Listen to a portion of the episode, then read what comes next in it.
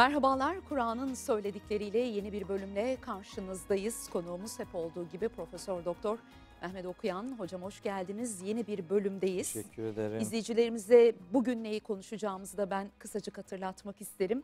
Kutsal kitabımızda epey bir yerde, epey bir ayette geçen, hatta öyle bir cümlesi var ki birkaç ayette tekrar edilen, pekiştirilen bir durum. Her can ölümü tadacaktır diyor Yüce Allah'ımız. Yani bugün Kur'an'ın söylediklerinde o kaçınılmaz sonu, önümü konuşacağız. Hocam öncelikle şundan bahsedelim mi? Kutsal kitabımızda ölüm nasıl geçiyor? Nasıl tarif ediliyor? E, elbette o ölüm anını da konuşmak isteriz sizinle. E, tabii Ramazan programı denince, tabii Kur'an'ın söyledikleri denince e, bizim Kur'an'ın hayata dair neler söyledikleri noktasında sunumlarımız oluyor. E, hayatı konuşmak demek beraberinde ölümü konuşmak demektir de aynı zamanda. E, çünkü hayata gelmek e, aslında ölüm yolculuğuna başlamak anlamına gelir. Bir, bir taraftan böyledir yani. E, neden böyledir? Çünkü sizin de ifade ettiğiniz gibi her can ölümü tadıcıdır. Bu Ali İmran suresinin 185. ayetinde geçiyor. Ayrıca Enbiya suresi 35, Ankebut suresi 57 ve Zümer suresinin de 30. ayetinde de geçiyor bu. Aynı cümle kalıbıyla geçiyor. Aynı cümle kalıbıyla hocam. üç yerde geçiyor. E, Nedir bunun özelliği? Yani Kur'an aynı cümleyi üç ayrı ayette tekrarlıyorsa Evet. Neden? Çünkü e, Kur'an'ın indirildiği dönemde Mekke müşriklerinin e, böyle ölümle alakalı bir tereddütleri yoktu da ölüm sonrasına dair çok ciddi e, itirazları vardı kendilerine göre. Allahu Teala bu hayatın ebedi olmadığını, hiç kimsenin burada kalmayacağını, e, canlı olan her varlığın mutlaka ölümü bir çeşit tadacağını ifade ederek hani dünya perest bir hayatın aslında insan için, canlılar için e, doğru bir a, anlayış olmadığını ara ara hatırlatıyor. Tabi o tekrar edilen ayetteki kalıp tabi Türkçe'ye tercüme edince her can her canlı ölümü tadacaktır diye tercüme ediliyor. Tabi her yerde de öyle yazıyor. Mezarlıklarda Evet. da filan. Hatta Kur'an meallerinde de öyle yazıyor. Büyük çoğunluğunda. Ama mesela benim mealim ben öyle yazmadım.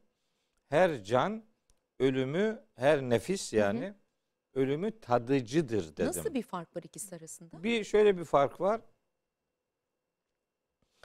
Ee, ölümü tatmak e, bir defa hayatın sona ermesi anlamında bir gerçekliği karşılar. Oysa ölüm tadıcılığı demek aslında hayatımızın her anında biz ölümü bir çeşit tadıyoruz. Yani başka boyutlarıyla tadıyoruz. Yani bir nefes vermek o nefesin ölümüdür. Bitti. Ee, bir hücre değişimi hücrelerin ölümüdür mesela. Ee, yani insanın bebekken çocuk olması, çocukken et, yetişkin olması, erişkin olması, işte yaşlanması falan bunların her birinin bıraktığı dönemi ölüm dönemidir. Yeni dönem başka bir hakikatle insanın karşılaşması anlamına gelir. Yani canlı organizmalarda böyle sürekli ölüm ve hayat peş peşe gelir yani. Sürekli. Ama ölüm denince insanlar tabii bunu anlamazlar yani. İnsanların ölüm denince işte bir kişinin bütün fonksiyonlarını tamamen kaybetmesi anlamındaki o hakikati insanlar anlarlar. Doğrusu biz de onun üzerinden konuşacağız. Fakat o ayette küllü nefsin zaikatül mevti o zaika kelimesi işte Arapça biraz teknik bir şey söylemek e, gerekecek. Zaika kelimesi tadıcı anlamına gelir. Tadacaktır anlamında bir fiil kullanımı değildir. Elbette içinde fiil manası da barındırır ama kelimenin kendi kalıbı işte biz, bizim teknik tabirle söyleyelim ismi faildir. tadıcı. Tadıcılık insandan ayrılmayan, yani ölüm tadıcılığı insandan ayrılmayan, onunla daima var olan bir hakikattir. Sürekli ölümle iç içeyiz. Tabiatta sürekli ölümler var. Canlı gördüğümüz bitkiler dünyasında, hayvanlar dünyasında sürekli ölüm var. Biz her can ölümü tadıcıdır derken meseleyi sadece insanların ölümü tadıcılığından ibaret bırakılamaz. Ve tabiatta da ölümler vardır sürekli. Ee, hayvanlar dünyasında da ölümler vardır. Bu hayatın kendi gerçeğidir yani. Hatta ben zaman zaman cenaze merasimlerinde konuşmalar yaparsam öyle derim yani. Ee, hayatın en büyük gerçeği ölümdür yani. Zaten Kaf suresinde de ölüm sarhoşluğu gerçeği getirecektir diye bir ifade geçer. Kaf suresi 19. ayette. Bir daha söyle. Ölüm sarhoşluğu Gerçeği, Gerçeği getirecektir. getirecektir. Evet. Ve caat sekretül mevti bil hak. ne anlamalıyız? Ölümün sarhoşluğu, ölüm sarhoşluğu gerçeği getirecektir. Şu demek, bir, ölüm sarhoşluğunu herkes yaşayacaktır anlamına gelir. Bir. İkincisi de ölüm sarhoşluğu yani ölüm peşinden hemen gerçekleşecek olan ölüm Mekkeli müşrikler ölüm sonrasını orada yaşanacak hakikatleri inkar ettikleri için Allahu Teala onlara bakın inkar edip durduğunuz e, önünüzde ebedi bir hayatın varlığını ıs- ısrarla e, gündeminize almadığınız e, ama hakikat anlamında yaşanacak bir büyük dönem işte bu ölüm sarhoşluğuyla beraber başlıyor. Siz ne kadar inkar etmiş olursanız olun işte ölüm zaten ölüm anında neler olacak onu birazdan söyleyeceğiz. O esnada insanlar zaten inkar ettikleri, kendisinden kaçtıkları, e, en azından bir bölümü itibariyle söyleyeyim, e, sonrasına dair yaşanacakları kabul etmedikleri bir gerçeği ölüm onların önüne serecektir.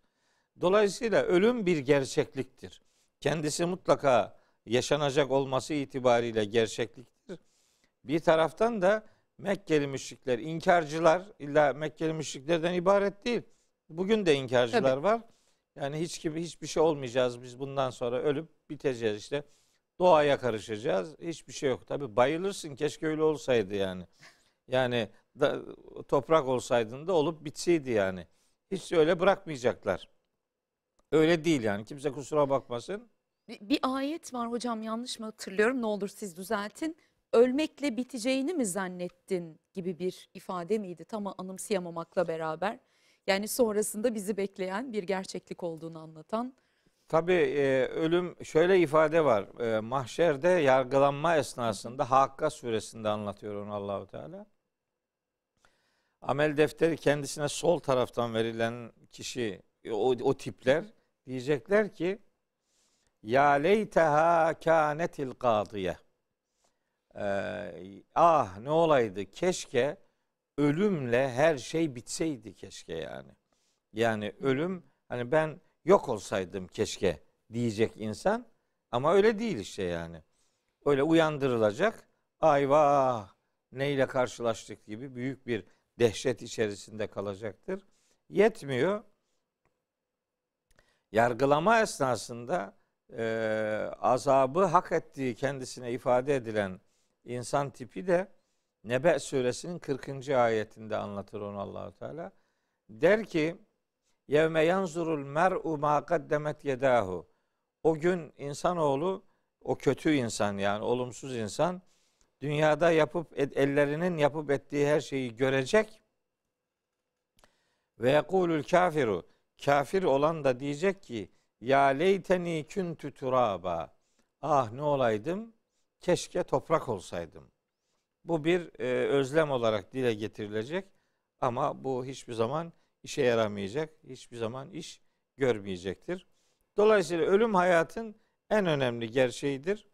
Ölümden kaçmak gibi bir şey kesinlikle söz konusu değildir. Ayet-i kerimelerde 2-3 tane ayet hatırlatayım. Lütfen. Ee, Nasıl yer ilgili- buluyor ölüm? Hangi kelimelerle ifade Ha, edilmiş? önemli. Yani bu bundan kaçıp kurtulmak falan mümkün değil. Hiç kimse yalandan Ayetlerde önce ölümü sonra hayatı e, bize aktarmasının Yüce Allah'ımızın bir hikmeti mutlaka vardır. var. Hep ölüm önce geçiyor, hayat sonrasında geliyor. E, ya hep öyle değil de bazı ayetlerde öyle geçiyor. Onun sebebini de biliyoruz az buçuk. Ona bir değineyim. e, ne zaman değineyim? Biraz sonra Tamam. değineyim ona. E, ama unutmayalım. Mülk suresinin ikinci ayeti Ben ve Bakara suresinin 28. ayetini o vesileyle hatırlatalım kardeşlerimize. Şimdi ölüm gerçeğinden kaçınılamayacağını ifade eden ayetlerden birkaç tane hatırlatayım. Nisa suresinin 78. ayetinde Yüce Allah buyuruyor ki Eyne ma tekûnü siz nerede olursanız olun yudrik kümül mevtü ölüm sizi yakalayacaktır. Verev küntüm fi burucin müşeyyede çok sağlam kalelerin arasında içinde meskun olsanız oraya sığınsanız da durum değişmeyecektir. Kendisinden kaçıp durduğunuz ölüm mutlak surette sizi yakalayacaktır. Ee, Nisa suresinin 78. ayeti bunu söylüyor. Ali İmran suresinde de bir ayeti kerimenin bir bölümü var ama o savaşla alakalı bir içerikte geçtiği için onu söylemeyeyim.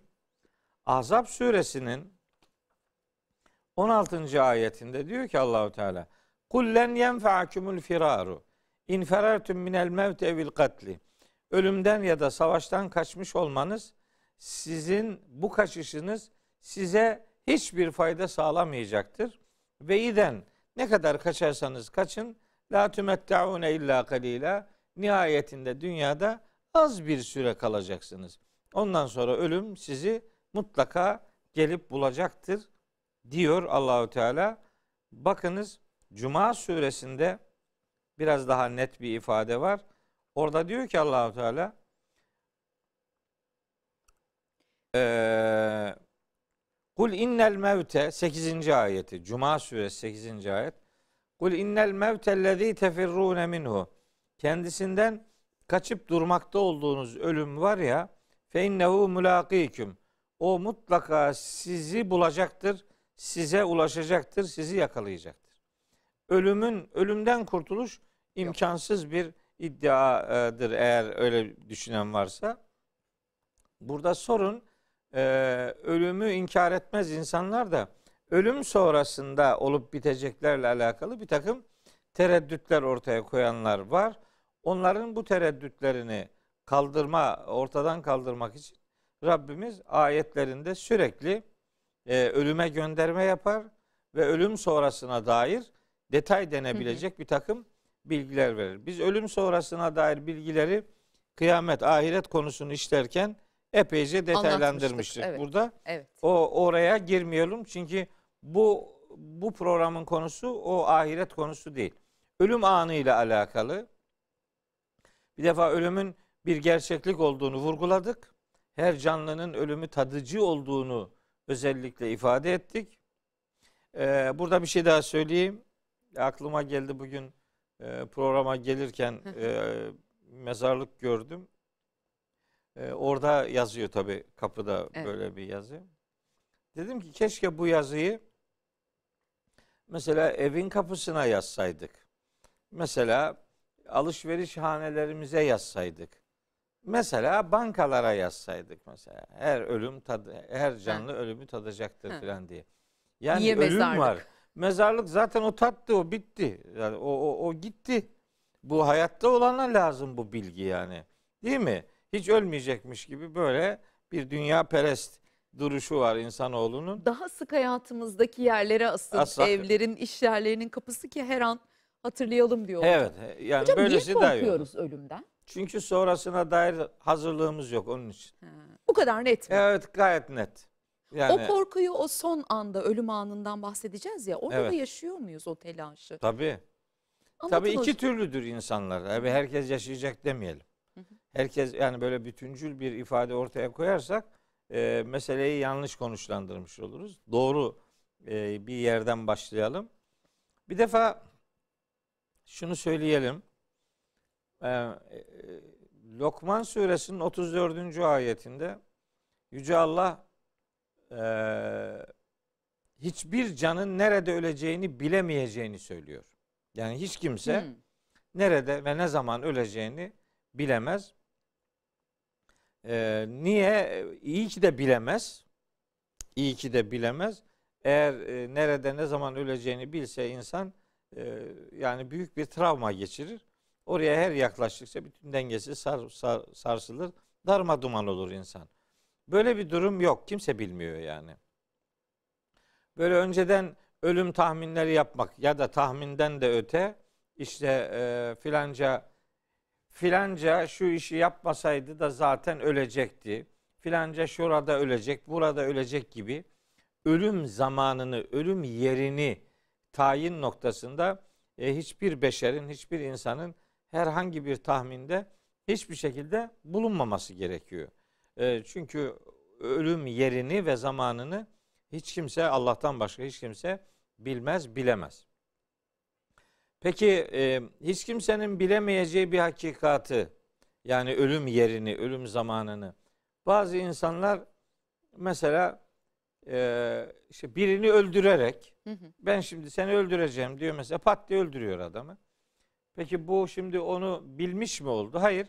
Allah'ın yasakladığı bir eylemi yapmış olma günahı ile yüz yüze gelir. Yoksa o gayb dediğimiz sadece Allah'ın kendisine sakladığı bir bilgiyi o adam ben de biliyorum deme iddiasında bulunamaz. Nihayetinde kendi hayatıyla alakalı da insanoğlu bir e, ölüm gerçeğiyle yüz yüze olduğunu bilir.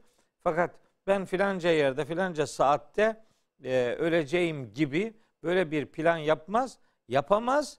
Çünkü Allah'ın insana takdir ettiği ölümü onun iradesi izni olmadan öne çekme noktasında bir çaba ortaya koyarsa kişi çok büyük bir günah işlemiş olur. Dolayısıyla o günah onu ebedi cehennemde bırakır. Bu tehlikeli bir iş. Önemli Onun- bir şey söylediniz. Tabii onun için mesela e, kimse birinin canına kıymamak durumunda olduğu gibi kendi canına da kıymamalıdır. Hiç kimse. Çünkü bu can onun kendi kendisinin değil yani. Can kişiye emanettir.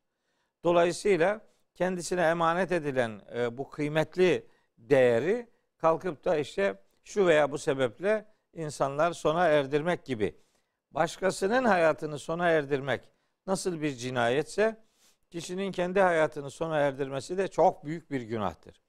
Ancak yani toplumsal hayatta böyle şeylerle tabi karşılaşıyoruz. Maalesef, işte bir takım maalesef. intihar olayları oluyor. Çocuklarda, gençlerde çok bu ara sık görülmeye başlandı hocam. Bir takım teknolojinin gelişimiyle beraber bir takım oyunlar.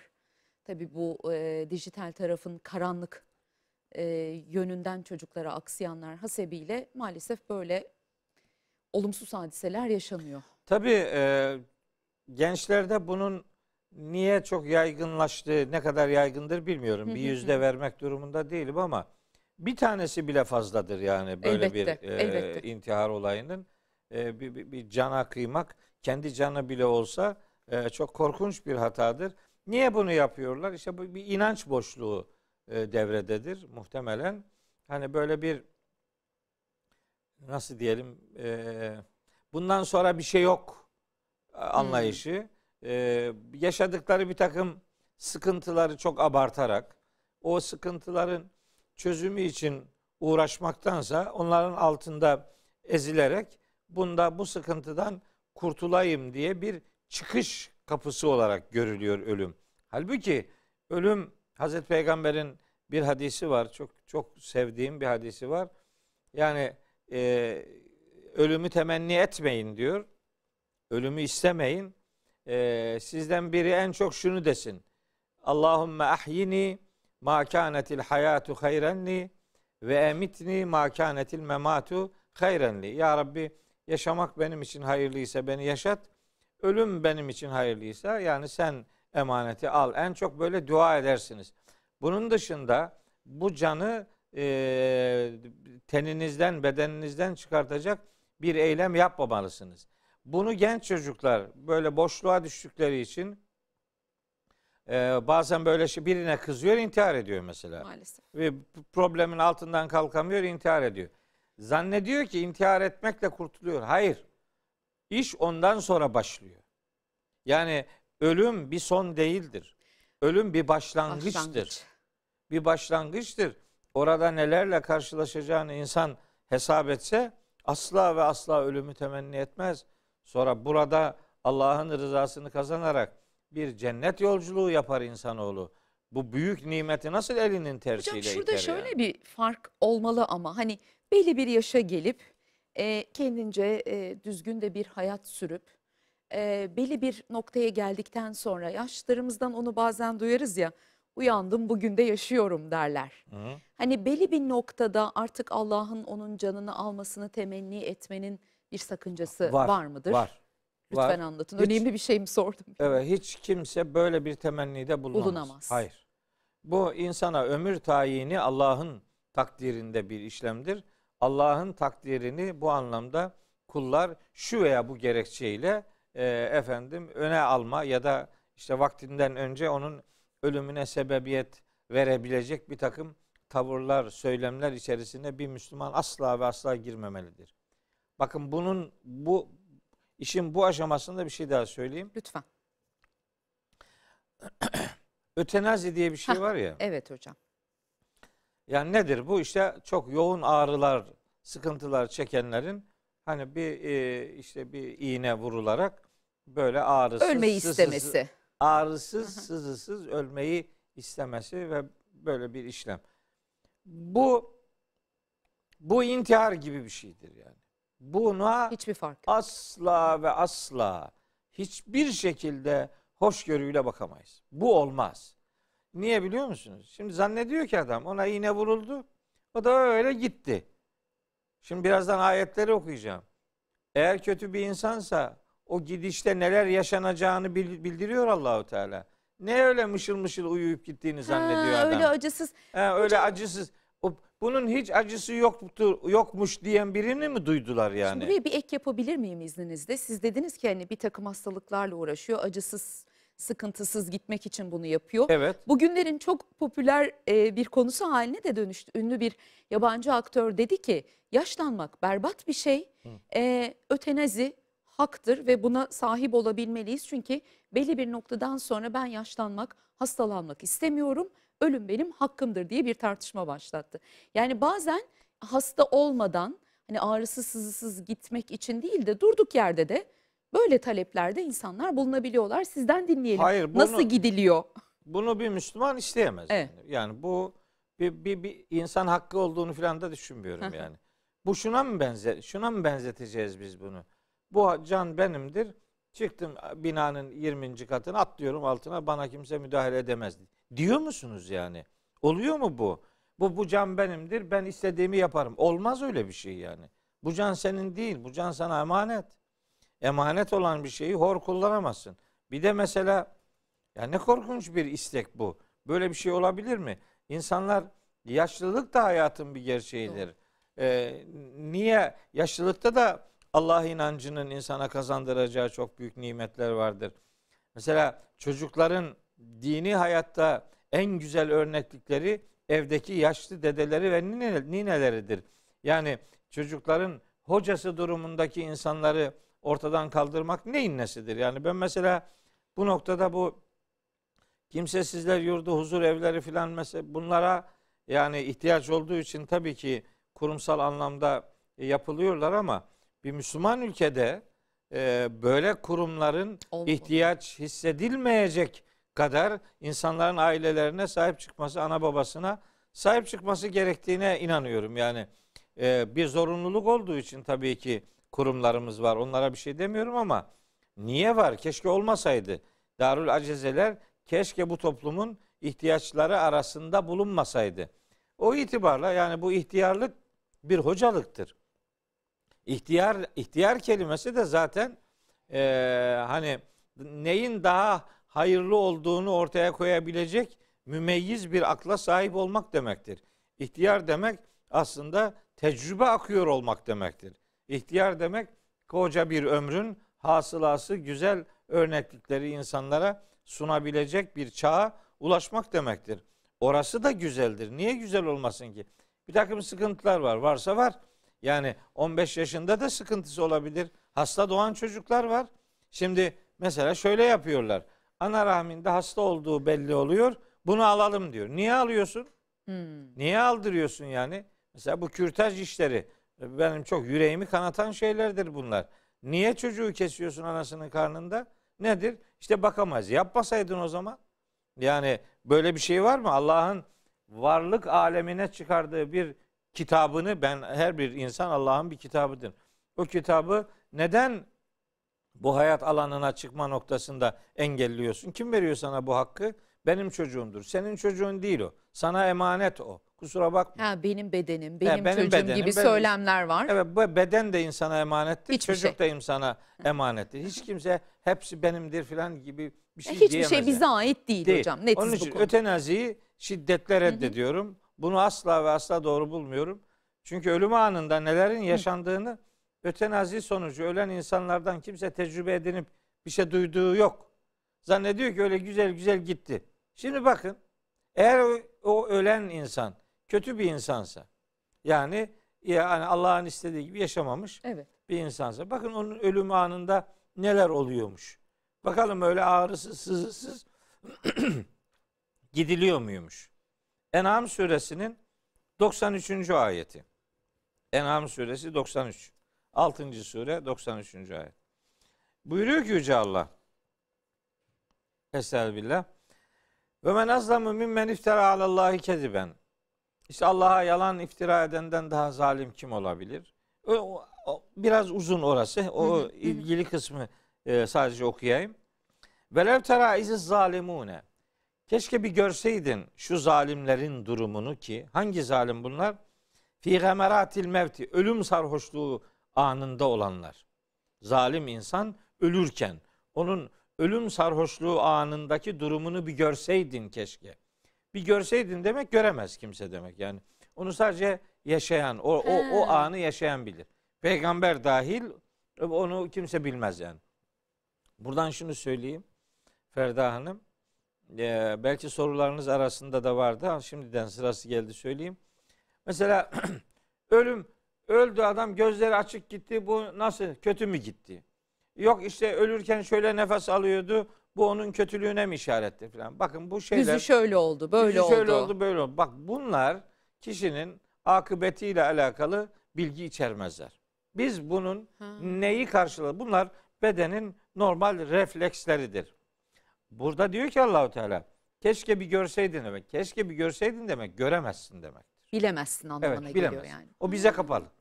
Peygambere kapalı olan şey bize haydi haydi kapalıdır yani. Fakat o esnada vel melâketü bâsitû eydihim yani melekler ellerini e, o ölmekte olan zalimin boğazını yani ona uzatmışlar. Ehricu enfusekum hadi canınızı çıkartın diye e, onlara böyle yani ölüm anı sıkıntılı bir anı ifade eder. Fakat bu sıkıntılı hali dışarıda olanlar, sağlıklı olanlar, ölmemiş olanlar görmezler. Biz bilmeyiz bunu. Adamın ölüm şeklinin ölüm şekline bakarak onun kalitesiyle alakalı veya ahiret hayatıyla alakalı herhangi bir değerlendirmede bulunamayız. Bunu özellikle söylemek istiyorum. İki ayet daha hatırlatmak durumundayım. Yine Ölüm- bu, bu burayı burayla pekiştirecek bir bilgi Tabii, mi hocam? Tabii. Yani çünkü Ölüm anında diyor ki hani sessiz sedasız hiçbir gürültü patırtı yok, ağrısızı yok, in, in- inleme yok, bir şey yok filan öldü. Öyle değil işte yani, yani. huzurlu öldü deriz. He, huzurlu. Huzur içinde öldü deriz. Demek Ya, ki ö- Ona- gerçek alemde onu iyi bir hayat bekliyor gibi bir takım çıkarımlarda bulunuruz. Yaparız bunu. Biz ona müdahale etmeyiz ölüm anında işte bu ötenazi gibi bir iş, işlem yapmayız da kişi e, nasıl ölürse işte öyle öyle dirilir. Nasıl dirilirse öyle hesaba çekilir. Biz iyi iyi bir ölüm dileriz Rabbimizden. Çünkü bu iki tür ölüm e, şeyi var, ortamı var. Bir tanesi zalimlerin ölümü. Orada sıkıntı başlıyor. Ölüm anında sıkıntı başlıyor. Bir de iyi insanların ölümü var. Orada da böyle güzel müjdelerle melekler onları karşılıyorlar. Dolayısıyla ama siz biz onu buradan bilmeyiz. Buradan bakıp da orada ne olup bittiğine dair karar veremeyiz. Eğer bu insan kötü bir insansa bakın Enfal suresinin 50. ayetinde diyor ki Allahu Teala Velev tera iz yeteveffellezine keferu el melaiketu. Hani bir görseydin keşke e, o kafirleri vefat ettirirken melekler yadribune vucuhahum ve edbarahum. Onların yüzlerine ve arkalarına nasıl darbeler indiriyorlar bir görseydin. Demek ki mele, o kötü, kafir, zalim insanın ölümü öyle dışarıdan göründüğü gibi sorunsuz uyutuldu mesele yok. Öyle değil işte. Sakın kimse böyle bir özlemle ötenazi gibi bir şeyin e, taliplisi falan olmasın yani. İnsan Müslümanca yaşamaya baksın. O Müslümanca yaşamada Allah'ın izniyle iyi bir ölüm, iyi bir akıbet Beraberinde getirir onu zaten. e, getirsin. Şimdi kötü insanlarla Muhammed suresinde de ayet var. Nahl suresinde de ayet var. Hani hepsini okumuyorum. Kötü insanların ölümünde böyle e, bizim fark edemeyeceğimiz sıkıntılar olduğu gibi iyi insanların ölümünde de yine bizim fark edemeyeceğimiz güzel sahneler de olur. Oluyor. Ama biz bunu fark edemeyiz. Ben bunu bunu özellikle vurgulamak istiyorum. Adamın ölüm şeklinden onun kalitesine dair sonuçlar çıkartıyorlar. Bunu tehlikeli buluyorum. Yapmayın bunu. Böyle sonuçlar çıkartmayın. Böyle değerlendirmeler yapmayın. Bakın Vaka suresinde diyor ki Rabbimiz Felevla izâ belagatil hulkum Hani can böyle boğaza geldiğinde ve entüm hine idin tanzurun. Siz o esnada o kişiye bakıyor olursunuz. Fakat ve nahnu akrabu ileyhi minküm. Biz biz o kişiye sizden çok daha yakınız. Velakin la tubsirun ama siz görmezsiniz. Yani o adamın ne durumda olduğunu, ne, neler çektiğini filan siz bilmezsiniz. İyi ise ne huzur içerisinde olduğunu da fark edemezsiniz. Çünkü artık o sekeratül mevt dediğimiz ölüm sarhoşluğu anında kişinin tepkileri bizim buradan değerlendirme yapabileceğimiz şekilde değildir. Biz o tepkilerin ne anlama geldiğini muhatabın hangi psikolojik durumda ya da hangi hakikatle yüz yüze olduğunu fark edemediğimiz için biz bir değerlendirme yapmamak durumundayız. Ama bilinmelidir ki ölüm anı iki türüyle insanın önündedir. Biri iyi insanın ölümü. İşte Nahl suresinin 32. ayetinde onu anlatıyor Rabbimiz. Buyuruyor ki Ellezine teteveffahumul melâketu tayyibin. Kendilerini kendileri temiz, düzgün davranan insanları melekler vefat ettirirlerken yakulune onlara derler ki selamun aleyküm. Selam esenlik üzerinize olsun. Bakın ölüm anında iyi insanlar eğer o ölen insan hı hı. iyi insansa onu öldürmekte olan, onun ölüm e, işlemini gerçekleştirme gerçekleştirmekte olan melekler onlara selam verirler. Ha o zaman e, tabi biz o selamı biz duymuyoruz. O selama ölmekte olan kişinin nasıl ruhuyla nasıl bir mukabelede bulunduğunu da bilmiyoruz biz. Ama iyi insanlar olarak yaşarlarsa fertler e, ölüm anında meleklerin selamıyla karşılaşacaklarını bilmelidirler ki bu müjdeli bir yolculuğun zaten başlangıcı, başlangıcı demektir. Mesela onlara selamı alanlardan olabilmek ümidiyle inşallah, inşallah hocam. İnşallah. Sadece selam değil o arada udhulul cennete bima kuntum tamelun. Dünyada yapıp ettiklerinizin karşılığı olarak cennete girin diyecek onlara melekler. O, o, o kişilere yani siz cennetliksiniz demek. Tabi cennete girmek için önce işte ahiretteki yargılama aşamalarının geçmesi lazım. Evet. Gerekiyor. Ama buradaki ifade siz cennetliksiniz demektir. Söylemek istediğim şu. E, bu ölüm gerçeğinde iki tür ölüm var. Bir iyi insanların ölümü, meleklerin onları selamla karşılayacağı, cennetlik olduklarını onlara müjdeleyecekleri bir ölüm, ölüm enstantanesi olacak. İkincisi de kötü insanların ölüm anı. Orada da gene bu Nahl suresi 28. ayette geçiyor. Ellezine teteveffahumul melaketu zalimi enfusihim kendilerine yazık edip duran insanları melekler vefat ettirirlerken fel kavus seleme bu ölmekte olan insanlar böyle barış eli uzatacaklar. Barış. Yani e, sıkıntılı bir durum var. E, ve o barış e, eli uzatırken diyecekler ki ma kunna na'melu min su'in. Ya biz kötü hiçbir şey yapmamıştık. Biz kötü bir şey yapmamıştık. Niye böyle ölüyoruz gibi herhalde öyle bir e, duygu olacak. Onlara meleklerin vereceği cevap şu. Bela hayır. Doğru söylemiyorsunuz. İnna Allah alimun bima kuntum tamelun. Allah sizin yapıp etmekte olduğunuz, yapıp etmiş, yapıp ettiklerinizin neler olduğunu gayet iyi bilendir. Fedhulu ebvabe cehenneme halidine fiha. Şimdi ebedi kalıcılar olarak cehennemin kapılarından girin. Felebi isemes vel mütekebbirin.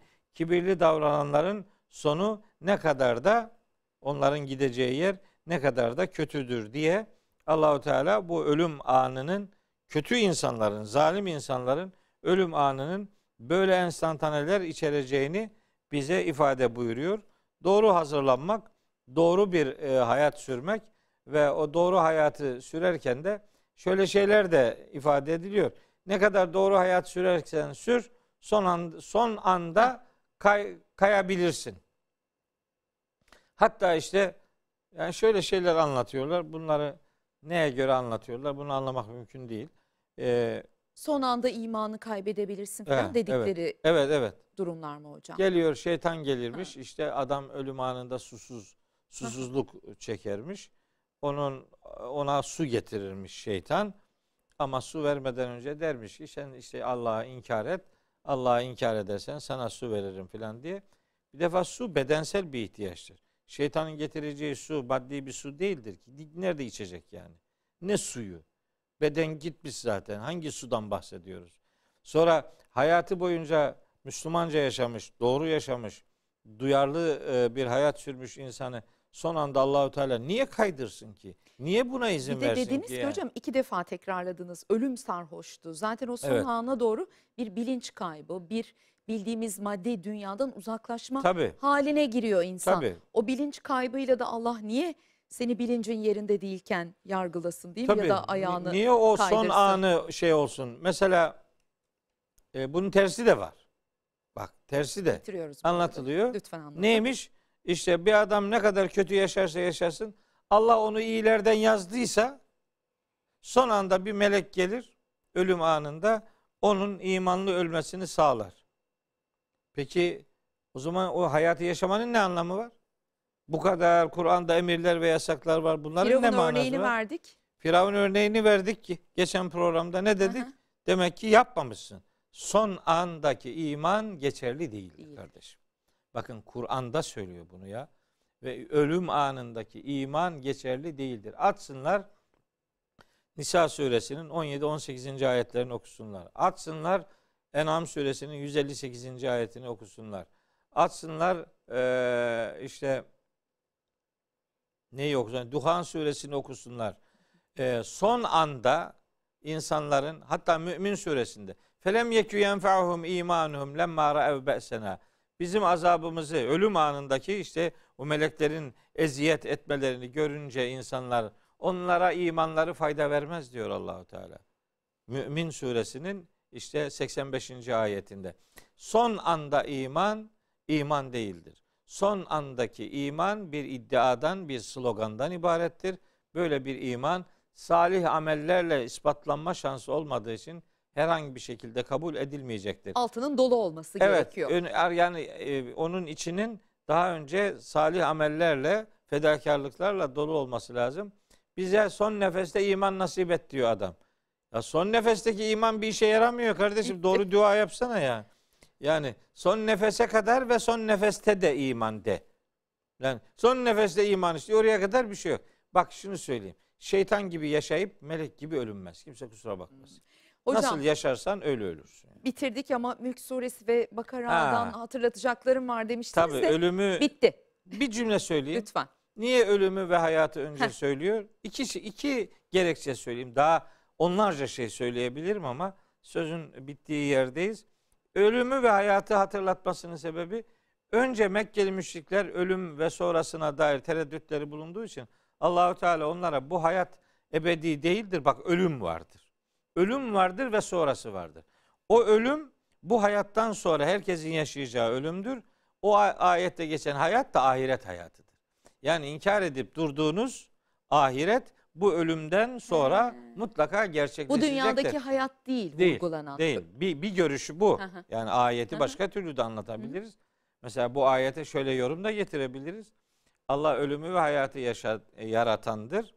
Ölüm insanın biyolojik canlı haline gelmeden önceki durumuna da ölüm derler. Bakara 28. ayette onu anlatır. Bizim ruhumuzun cesetle buluşmadan önce bedenimizin yani beden olmadan önce topraktaki hali yok halidir. Yok diyoruz biz buna ama Kur'an ona yok hali demiyor. Kur'an ona ölüm hali diyor. Ölü hal diyor.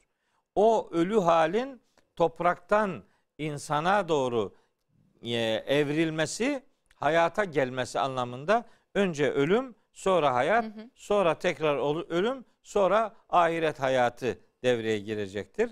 Hatta bir şey daha söyleyip bitireyim. Önce ölüm sonra hayatı söylenmenin en önemli sebeplerinden biri de bu bilimsel bir e, gerçeğe temastır. İnsanlar ana rahminde e, insan olma yolculuğuna başlarken önce milyonlarca sperm ölür. Sonra bir sperm Hayatta yumurtayla kalır. buluşarak hayat yolculuğuna başlar. Dolayısıyla hayat için daima önce ölüm vardır, sonra hayat vardır. Ölmeden önce ölünüzü de böyle anlayabilir miyiz acaba hocam? Bilemedim. Ha ölmeden önce ölünüz o bir hadis metni. Hı hı. E, yani e, ölüm ölümün farkında Hazırlıklı olun. hazırlıklı Evet. olun manasında bir uyarıdır. Bugün de tamamladık Kur'an'ın söyledikleriyle yarın aynı saatte yeniden karşınızda olabilmek dileğiyle.